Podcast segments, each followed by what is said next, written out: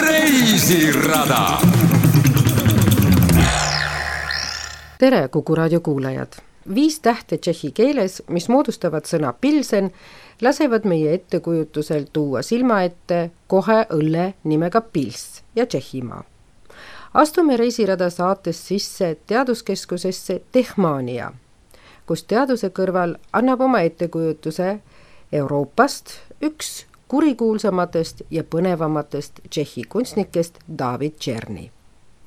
vaatame tema suurt installatsiooni, millel on Euroopa Liidu maad neid iseloomustavate sümbolitega installatsioon ise põhjustas juba Tšehhi eesistumise esimeste nädalate jooksul Brüsselis korraliku skandaali ning nii sai Tšehhi otsekohe suure tähelepanu osaliseks. Vaatame sisse ka suurde näitusehalli, kus saab nii optika kui füüsika eksperimente teha ning külastame ühe kahekümnenda sajandi olulisema arhitekti Adolf Loosi kujundatud korterid, kelle tollal loodud suunad on tänaseni aktuaalsed kõigepealt kutsun teid aga Pilseni linna keskväljakule, kus suveõhtud olid täis muusikat. seal esinesid Tšehhi armastatumad ja tuntumad interpreedid, kõlas aga ka keskaegne muusika Thank you.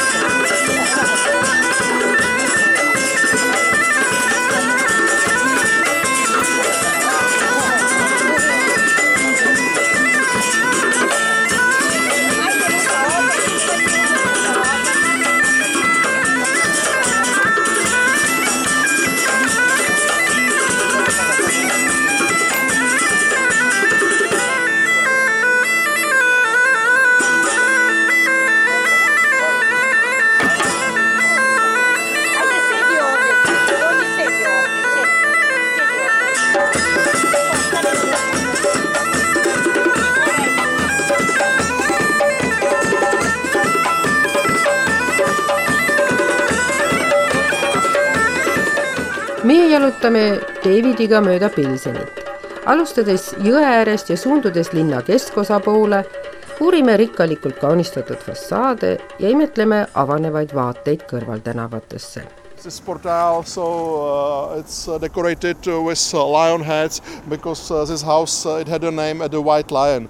So while walking through the city of Pilsen, you can often play a funny game because uh, these houses uh, didn't have uh, numbers for a long time to the almost to the middle of 18th century. see portaal siin on kaunistatud lõvipeadega.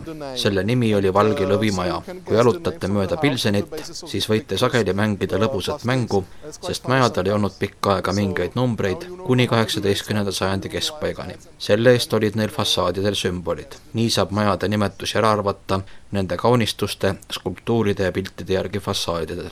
mõnikord on see täitsa lõbus, nüüd te teate, kuidas see toimib ja võite ise ringi käia ja majade nimed ära arvata. ja tõepoolest, kui vaadata ringi peaväljakut ümbritsevaid majade fassaade, siis igaüks neist räägib mingi loo.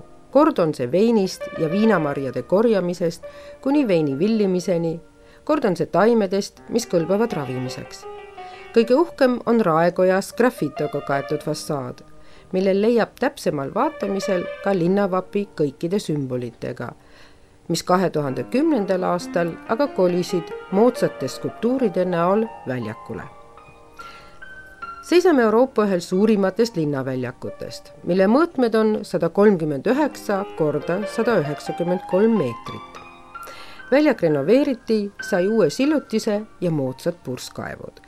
Need kolm purskkaevu hakkavad kõige vähemategi päikesekiirte käes helendama ja särama, sest tervelt kolmveerand kilo, täpsemalt seitsesada kakskümmend grammi, kõige õhkõrnemaid kullafooliume on kasutatud nende kaunistamiseks.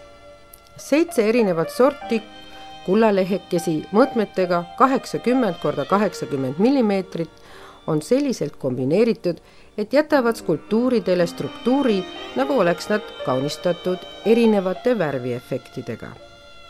Praha arhitekt Andrei Zisler sai purskkaevude jaoks inspiratsiooni Pilseni linnavapilt, kus need väga abstraktsed kujundid äratuntavalt kujutatud on. üheks on hurt, kelle interpretatsioon on truudus kuningale ja kirikule kaamel meenutab üht õnnetut episoodi Jan Hussi aegsest linnavallutamiskatsest ning ingel, kes on vapikilbi kandja, mille Pilsenile kinkis paavst Gregor kolmeteistkümnes kuueteistkümnendal sajandil just siis oli lõppenud vastureformatsiooni Trento kirikukogu ning eriti jesuiidid kui katoliku usuidee tugevdajad propageerisid uut ja eredat inglikultust. kui astuda suurele vabariigi nime kandvale väljakule, siis avaldavad need installatsioonid täna suuremat muljet kui Kooti püha Bartolomeuse kirik ise. These new fountains from 2010, they depict uh, elements from the city symbol. Yeah, for example, this one, it shows uh, angel or depicts the angel with uh, uh, wings made of uh, water uh,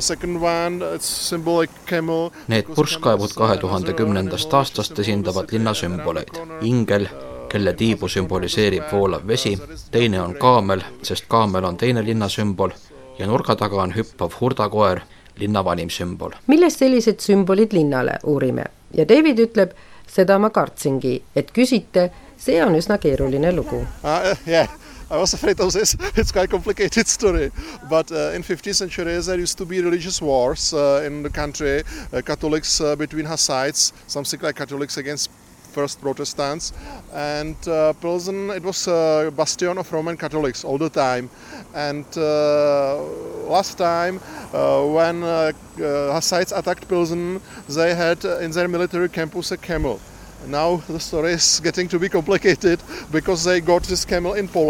Viieteistkümnendal sajandil oli käimas ususõda, katoliiklased esimeste protestantide vastu. Pilsen oli alati olnud tugipunktiks Rooma katoliiklusele. viimane kord, kui hussiidid linna ründasid, siis oli neil laagris kaasas kaamel ja nüüd läks asi keeruliseks. Nad olid selle saanud Poolast, aga Poola pole loomulikult kaamelite päris kodu. see oli Poola kuninga kingitus, kes sai selle omakorda kelleltki Oriendi võimukandjalt, keda hussiidid olid aidanud preisi Prantsusmaa ja Balti riikidest tulnud Saksa ordurüütite vastu.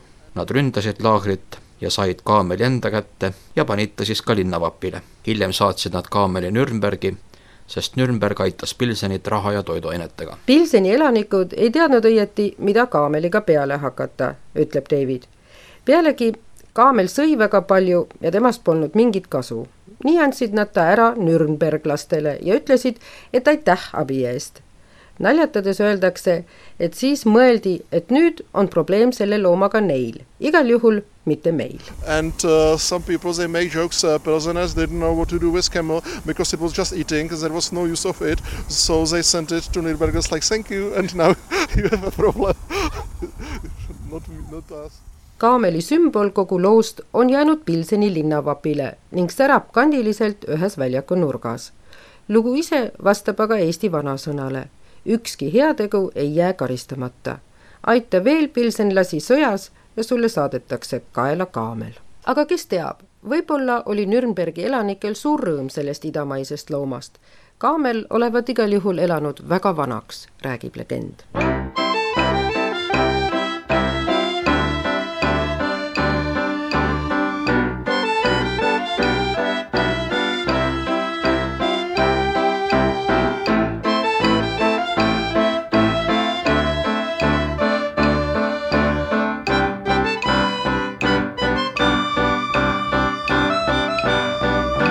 peaväljakult viivad mitmed tänavad kitsastesse kõrvaltänavatesse, kus on üheksateistkümnenda sajandi uhked fassaadid ja kultuuripealinna skulptuurid ja ära tunda võib nendes maailmakuulsad isikud. paar sammu peaväljakust asub üks linna huvitavamatest hoonetest valge, viiskümmend meetrit pikk ja kaksteist meetrit lai Masne kraamik. tuhande kolmesaja üheksakümne teisest aastast kuni kahekümnenda sajandi viiekümnendateni oli seal lihaturg.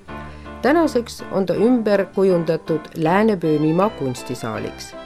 kultuuripealinna tõeline highlight on Maori portreed, mille temaalijaks on Pilsenist pärit Gottfried Lindauer, kelle tšehhipärane nimi oli Bohuslav tema on üks vähestest kunstnikest, kes Euroopas saadud akadeemilise väljaõppega lahkus vanalt kontinendilt, et oma annet kasutada hoopis Euroopa välises keskkonnas.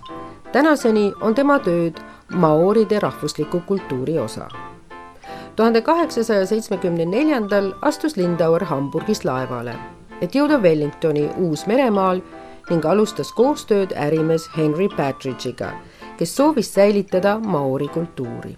kui päris aus olla, siis oma lahkumisega pääses Lindauer ka teda ähvardanud Ungari-Austria sõjaväeteenistusest ning ka aina populaarsemaks muutuvast fotograafia mõjust.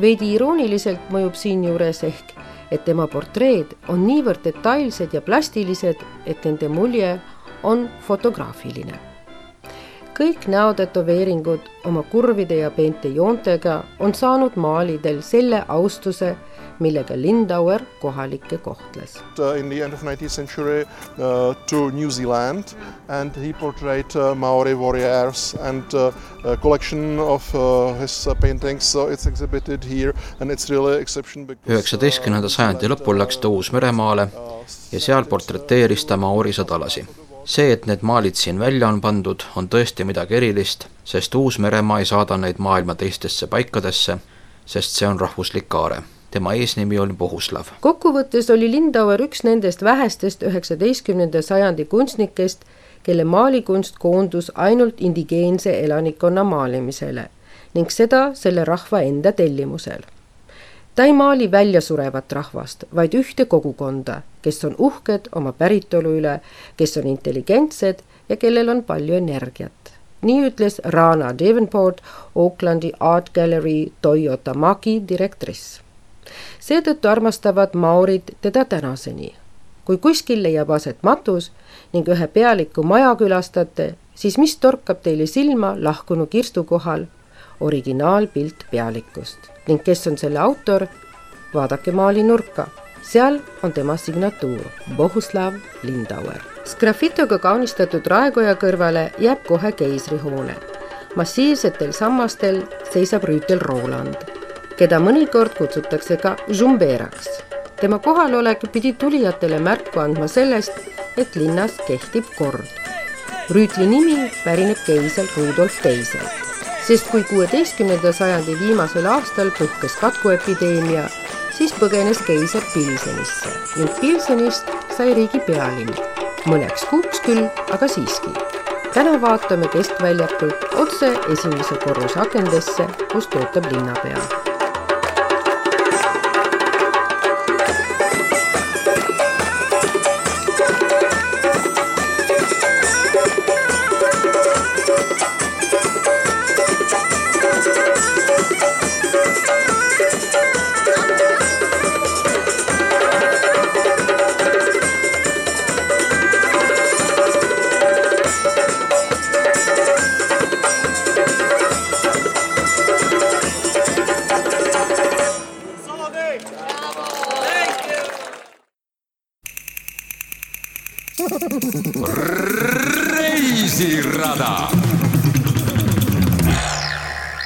Tehmania Science Center on üks uuematest Pilseni külastuspunktidest, mis on absoluutselt vaimustav.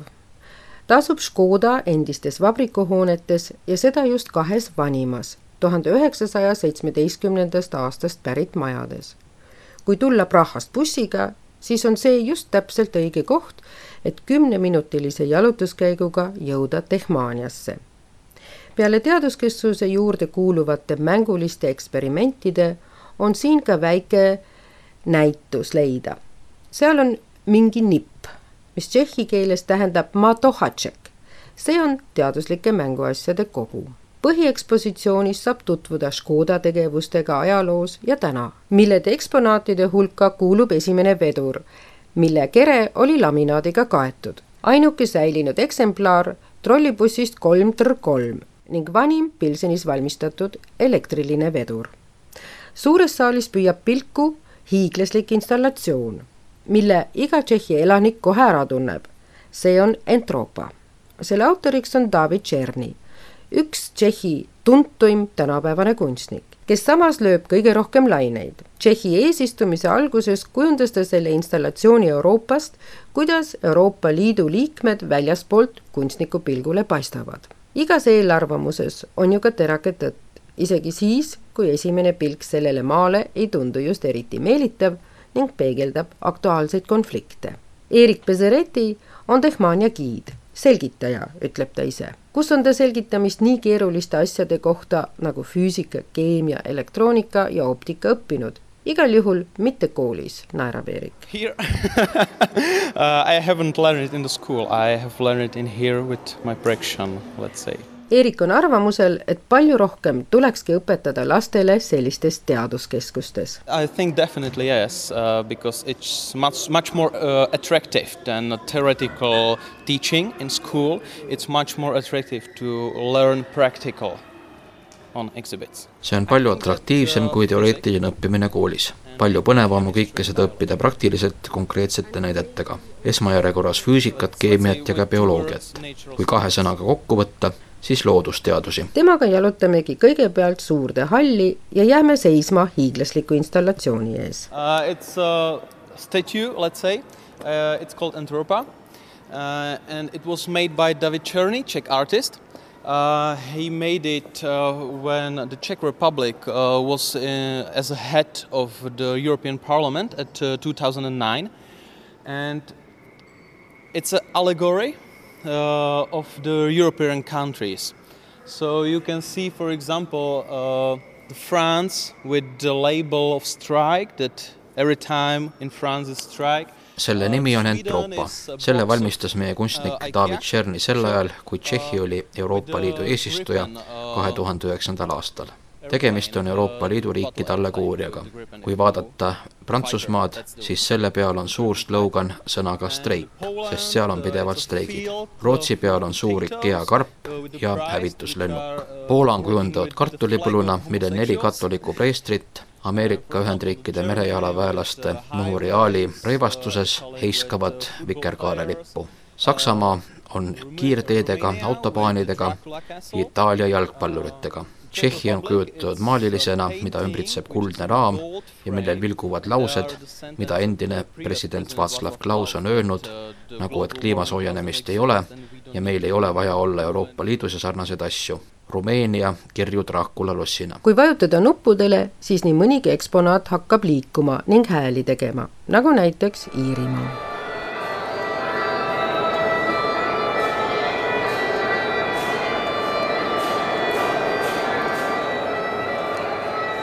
kuidas interpreteerib David Tšerni omaenda maad?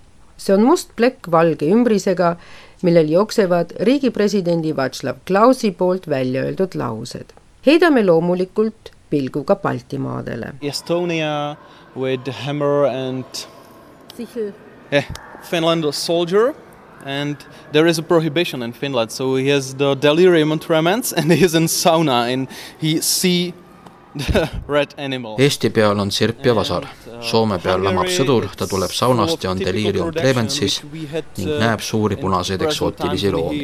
Ungari on esindatud nende toodetega, mis sealt turule tulid, melonide salami. see on nüüd siis kas Leedu või Läti. seal on väike poiss, Brüsselis tuntud skulptuur, pissiv poiss, kes saadab oma joa Venemaa suunas. It's a child, it's a boy, it's a statue from Brussels. If you know the buying boy and they are paying to Russia. nii et Brüsseli manneken Pissi figuur on seotud Venemaa ja Valgevene suunale. seega oli tegemist Leeduga ning Läti on kujundatud kui lame maa, mis tahab aga olla mägine. Eesti oli kujundatud sirbi ja vasaraga kui postkommunistlik maa, mis on motoriseeritud. protestis Tšehhi ekspeaministri Mirek Topolaneki vastu lasi Tšerni kogu oma kunstitöö Brüsselis maha võtta ning tõi selle Tšehhi nii sattus ta Tehmaniasse. tuntuks sai Tšerni kohe peale sametrevolutsiooni oma tööga, kui ta Nõukogude tanki roosa värviga üle võõpas. järgmisena tõstis ta trabi neljale jalale. Selle skulptuuriga tunnustas Tšerni tuhande üheksasaja kaheksakümne üheksanda aasta septembri toimunud aktsiooni, kus tuhanded DDR-i kodanikud põgenesid Saksa saatkonda, jättes oma trabandid Prahasse see kunstitöö seisab pronksskulptuurina täna kui originaal Leipzigi kunstikogus, Zeitgeschichtliches Forum. koopia seisab Saksa saatkonna pargis Prahas ning kannab nime Quo Vadis. David Tšernilt võib alati oodata provokatiivset mängu selgelt mõistetavate sümbolitega. temaga kohtusin ma Prahas ja me rääkisime kõigest muust peale kunsti sellest aga juba siis, kui reisirada viib meid Prahasse praegu jääme me Tehmania ekspositsiooni juurde. We call it matrix trick uh, because this uh, movie trick was used for the first time in the American film Matrix uh,. It stop the film, let's say, and the camera uh, turns around you. It looks like, but uh, in real, you stay in the middle of the ring, and around you there are 48 HD cameras, and they are filming in the same time and when the computer says stop all the cameras will stop and put the pictures one after one. And it looks like this meie kutsume seda maatriksi trikiks, sest seda kasutati esimest korda filmis Maatriks. kaamerad filmivad üheaegselt, kui kompuuter ütleb stopp, siis kõik kaamerad seiskuvad, seejärel reastatakse pildid üksteise järgi. sa lähed siia keskele, siin on arvuti, puuteekraan, sa saad kõik salvestada ja kui see sulle meeldis, saad sa selle oma meilile saata. kui ei meeldinud, saad uue teha. filmis The Matrix kasutatakse väga peent tehnikat, et saavutada need erilised efektid. Tehmanias saab seda tehnikat ka ise katsetada. suurel seinal on nimekiri mitmetest maailmakuulsatest filmidest, mis mängisid filmiajaloos suurt rolli. kui vaadata läbi nende aukude seinas, mis on filmitiitlite kõrval, siis näeb stseene nendest filmidest, kus on kasutatud spetsiaalset tehnikat efektide saavutamiseks nimekirjas on Akira Kurosawa, Kubrick, ei puudu loomulikult ka George Lucas ja Star Wars ning kes on näinud filme Pulp Fiction või Toy Story ning uut Sõrmuste isandat, siis ka need filmid on siin kirjas. saalis ringi käimine ja huviobjektide leidmine on tehtud lihtsaks. näiteks kes on magnetismist ja elektrist huvitatud, leiab need objektid punase märgistuse all kes on huvitatud optikast, peab lihtsalt suunduma objektide poole, mis on tähistatud sinisega. meie sinna suundumegi ja vaatame kõigepealt värvide ringi. Mixing colors, for example, how the colors uh, come from only three basic colors from the RGB system, if you know it, red, green and blue that from those three colors you can mix all the colors of the rainbow if you want. vaatame siin, kuidas värvid tekivad ainult kolmest baasvärvist, punane, roheline ja sinine. Nendest saab kokku miksida kõik vikerkaare värvid, kui tahta. ruum on pime ja seetõttu paistavad kõik objektid veidi müstilistena. astume ühe pika toru juurde mis muudab värvi ning Eerik tahab teada, kas me teame, miks päike õhtul punaseks muutub uh,? It's explaining why the sky goes red during the sunset or sunrise. The light, when it goes through the atmosphere, some part of uh, the light are annihilated and only the rest of it will touch the surface of uh, the earth. And you can see on this picture, uh, in the midday, the distance between the beginning and the, the end of the atmosphere is the shortest.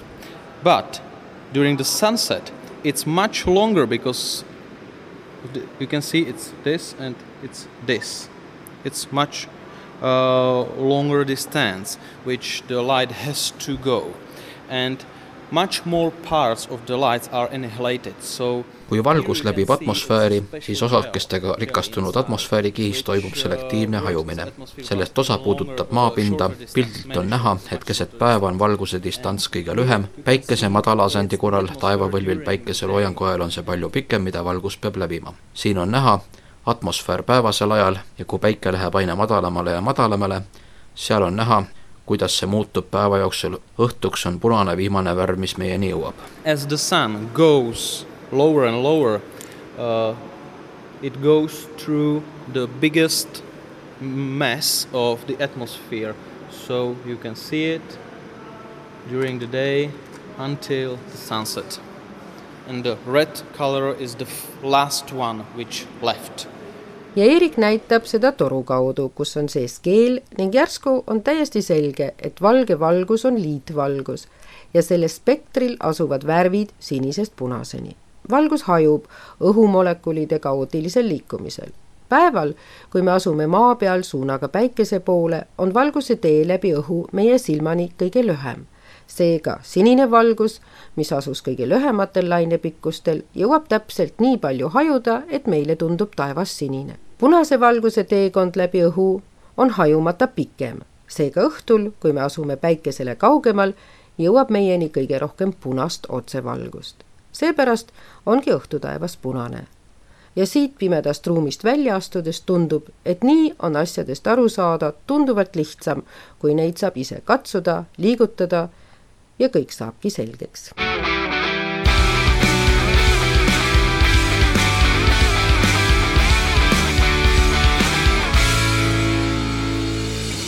Opäť ma trávi bez nádej Svet sa mi otočil chrbtom Otočil na ruby. Vyberám sa sám bez teba Buď ja má nočné mory. Bojím sa samého seba Keď oči zatvorím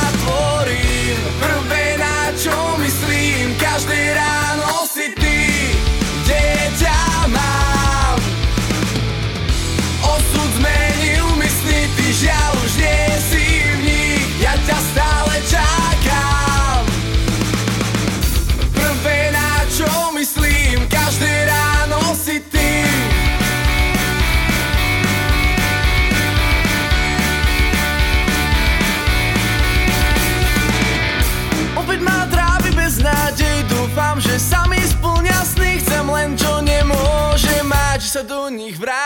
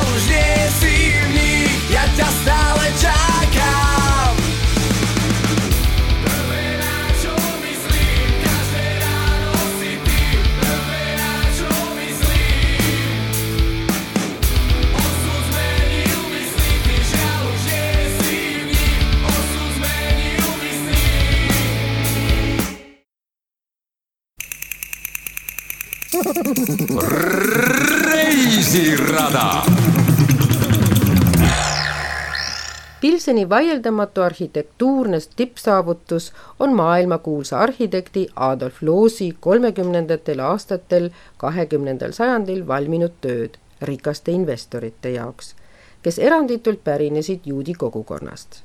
kaheksa sellist korterit on Pilsenis säilinud. Need annavad samaaegselt loosi interjööridega võimaluse sisevaateks tollase juudi kogukonna elustiili peale selle on igal interjööril oma lugu rääkida. sageli on sellega seotud isikute traagilised saatused Teises maailmasõjas ning sellele järgnenud ajal. Pilseni loosi interjööridel on Euroopa kahekümnenda sajandi arhitektuuris eriline koht, sest ainult Viinis on säilinud rohkem loosi loomingust nagu suurepärane Viini ärimaja Goldman ja Salatš, samas ka Prahas Mülleri villa ja Tristan Zara hoone Pariisis loos oli oma loominguga ajast ees. tema kujundusele on iseloomulik maksimaalne rõhuasetus funktsionaalsusele ja sisemisele korrale, nagu ka kõrge kvaliteetsete materjalide kasutamine. nii leiab korteritest huvitavaid sisse ehitatud kappe, mis kõik pidid korteri elanike elu lihtsamaks tegema kuna tegemist on korteritega tavalistes linnamajades, siis ei oskagi Pilseni külalised sageli arvata, millised sisekujunduse pärlid maailma tasandil mõne üheksateistkümnenda sajandi fassaadi taga peituvad. Tehmaniast kümne minuti kaugusel Bendova tänaval number kümme on kaunis üheksateistkümnenda sajandi majas üks Adolf Loosi kaunimatest korteriinterjööridest mille loos kujundas insener Villemi ja tema abikaasa Gertruda Krausi jaoks kolmekümnendatel aastatel. Astume üle ukse ning Itke Belkova võtab meiega ette jalutuskäigu läbi selle suure korteri ning perekonna eluloo. Luusi enda lugu Pilsenis sai alguse aga üsna juhuslikult. He met many uh, interesting people, let's say. Some of them uh, became quite famous later, such as Gustav Mahler, Arnold Schoenberg, Oskar Kokoschka. So, uh, and uh, then at the beginning of the 20th century, it happened. Then, uh, here in Pilsen, there was uh, that time a huge Jewish community. And it happened that one of rich Jewish families here in Pilsen went to Vienna to visit their relatives there. ta kohtas mitmeid huvitavaid inimesi, mõned neist said hiljem väga kuulsaks, nagu Gustav Mahler, Arnold Schönberg, Oskar Kokoschka. kahekümnenda sajandi alguses oli Pilsenis väga suur juudi kogukond ja juhtus nii, et üks neist rikastest perekondadest sõitis Viini, et kohtuda seal oma sugulastega. seal puutusid nad kokku Adolf Loosi sõpradega ning neil avanes võimalus näha ühte Loosi kujundatud korterit see meeldis neile nii hästi, et nad kutsusid Adolf Loosi Pilsenisse ning arhitekt töötaski siin kahel perioodil. Loos kasutas sageli oma kujundustes sümmeetriat, sest see laseb tekkida meeldiva tunde, selgitab Itke. Yes, so here uh, you can see in these pillars, so that's marble of uh, so-called Cipollino kind from Switzerland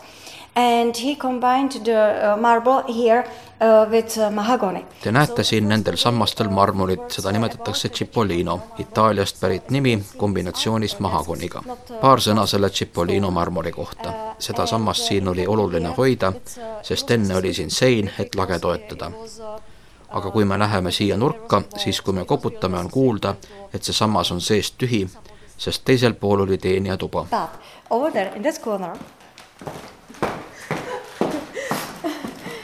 These are really desks because you can hear this hollow because behind behind that wall there is a small room for servant. And there uh, in this place there are uh, built-in cases. So Adolf Loos just uh, uh used the marble here as a paneling. And uh, he connected uh, the let's say purpose with aesthetics. Ta kasutas seda ainult paneelideks, pealispinnaks, et see oleks kaunis. sageli on pealispinna alla peidetud asjad. mahakon on samuti selleks, et teenija saaks mugavalt oma tööd teha. seal valmistati toitu ja siin on riiulid, mida ta sai toidu serveerimises kasutada. taldrikuid sai siin hoida ning kui oli vähe ruumi, siis sai kasutada seda lauda. siit välja tõmmata ka veel need riiulid siin on ainuke osa, mida loos kasutas dekoratsioonina. Need ornamendid on ainukesed, sest loos keeldus kaunistusi tavaliselt kasutamast, need ei lasknud materjalil välja paista, seetõttu ta neist keelduski. siin kasutab ta need ainult laes. proua Krausi soovil pani ta siia söögituppa lakke mahagonipaneelid, ta nägi neid Milleri villas Prahas ning ta tahtis siia söögisaali mahagoni, nii et jällegi soovitas loos tal siis mõlemas ruumis mahagoni kasutada nii et jälle tekib sümmeetria. korteri väärtuslikum osa on söögitoaga seotud salong ja kamin. vastastikku asetsevad peegelseinad loovad lõputuse efekti. kogu tuba on rohelise Cipollino marmorplaatidega kaetud, lagi tumeda mahagoniplaadiga. kokku mõjub see peaaegu maagiliselt. He worked only for rich families and rich Jewish families So it was only uh, rich Jewish families for whom Adolf Loos worked here. So yeah, exactly. So uh, all the people, all the families Adolf Loos worked for uh, were uh, businessmen or people connected with some uh, or owners of industries, factories uh, or businessmen. Adolf Loos töötas Pilsenis ainult rikastele peredele, tegelikult ainult rikastele juudi perekondadele. Need pered olid ärimehed või seotud tööstuse ja vabrikutega nii et nad olid tõesti väga-väga rikkad. see maja ei ole sümmeetriline, nii et ta püüdis luua siin sümmeetrilisi ruume. huvitavalt on kujundatud ka säilinud magamistuba paljude mahutavate seinakappidega. samas oli siin ka meikimislaud, mille võis kõiki kosmeetikatarbeid segadusse jättes lihtsalt sulgeda. So again, so drawers and over there, if you look over there, so uh, it's um, uh, the case which is used in boats. So uh, I mentioned Adolf Loos was in America, so he traveled by boat. So maybe he saw this uh, in boat. So it was quite, uh, let's say, practical. Again, you, you can put the things there, close the cover, and that's it. Siin seinakappides on suured panipaigad, see on midagi, mida kasutati laevadel. loos käis Ameerikas ja ta reisis laevadega, nii et ta võib-olla nägi seda laeva peal. asjad sisse panna, gaas kinni ja kõik, need on väga praktilised. kuna kapp on üsna lai ja sügav, siis kasutas ta siin spetsiaalseid riputamiskohti. Need teevad täna meie kõrvade jaoks kohutavat heli. But you can see how it works Uh, yeah, so uh, it was very easy to put uh, small hangers on it, and if uh, it was necessary to move it forward and to choose the proper dress or suit. oli väga lihtne riputada siia riidepuid ja vajadusel sai neid siis ette või taha lükata ja valida õige kleidi või ülikonna. ja siin on veel kaks asja, mida tuleks vaadata. näete, siin akna all on riiulid, kui me selle ukse avame, siis selle taga on seif. see on väga kena. ja veel üks asi And one more thing here magic wardrobe. Magic? Magic wardrobe.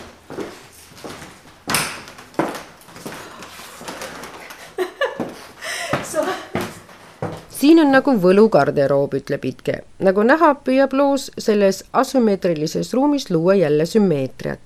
see on ruum magamistoa ja stuudio vahel ning uks viib koridori. Põhjused olid praktilised nii sai proua Krause lastega siseneda magamistuppa, ilma et oleks pidanud oma meest töötoas segama.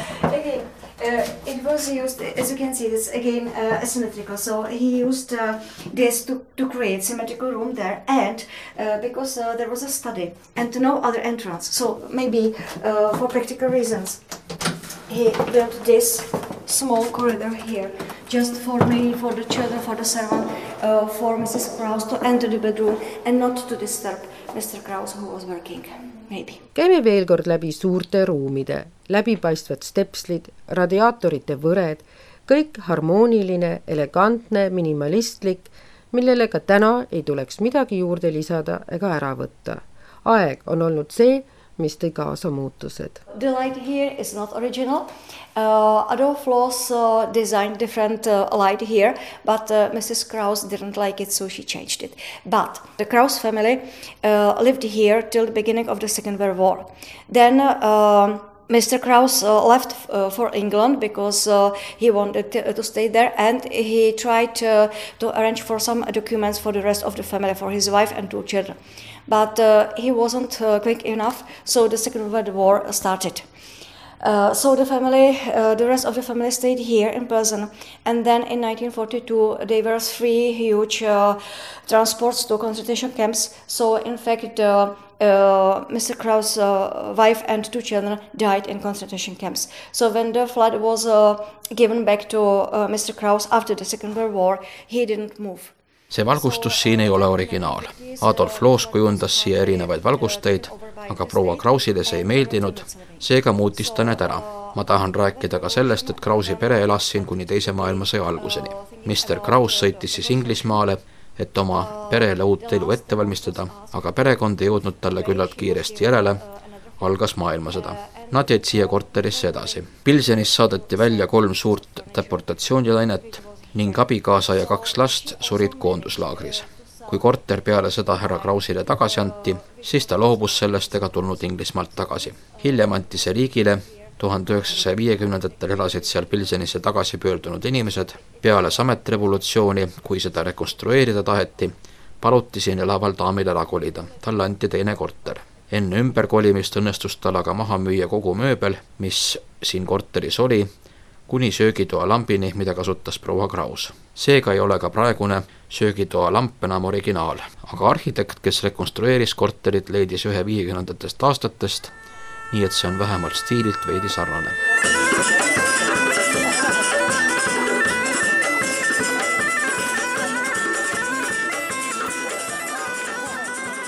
Air Baltic viib otselennuga Tallinnast Prahasse ja koolivaheajal oktoobri lõpus ka soodsate hindadega.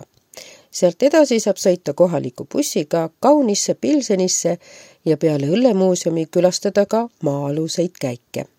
kindlasti on külastamisväärt ka Tehmania teaduskeskus, mille jaoks on aga vaja valida küllaldaselt aega, sest sinna juurde kuulub ka veel planetaarium, mis avab pilgu väga põneval viisil kosmosesse saate tehnilise külje eest vastutas Veiko Rebane. Tekste luges Toomas Metsis. Tea Karin soovib teile toredat avastamist ja uusi elamusi. muusika, mis kõlab, on Pilseni ametlik tutvustustreiler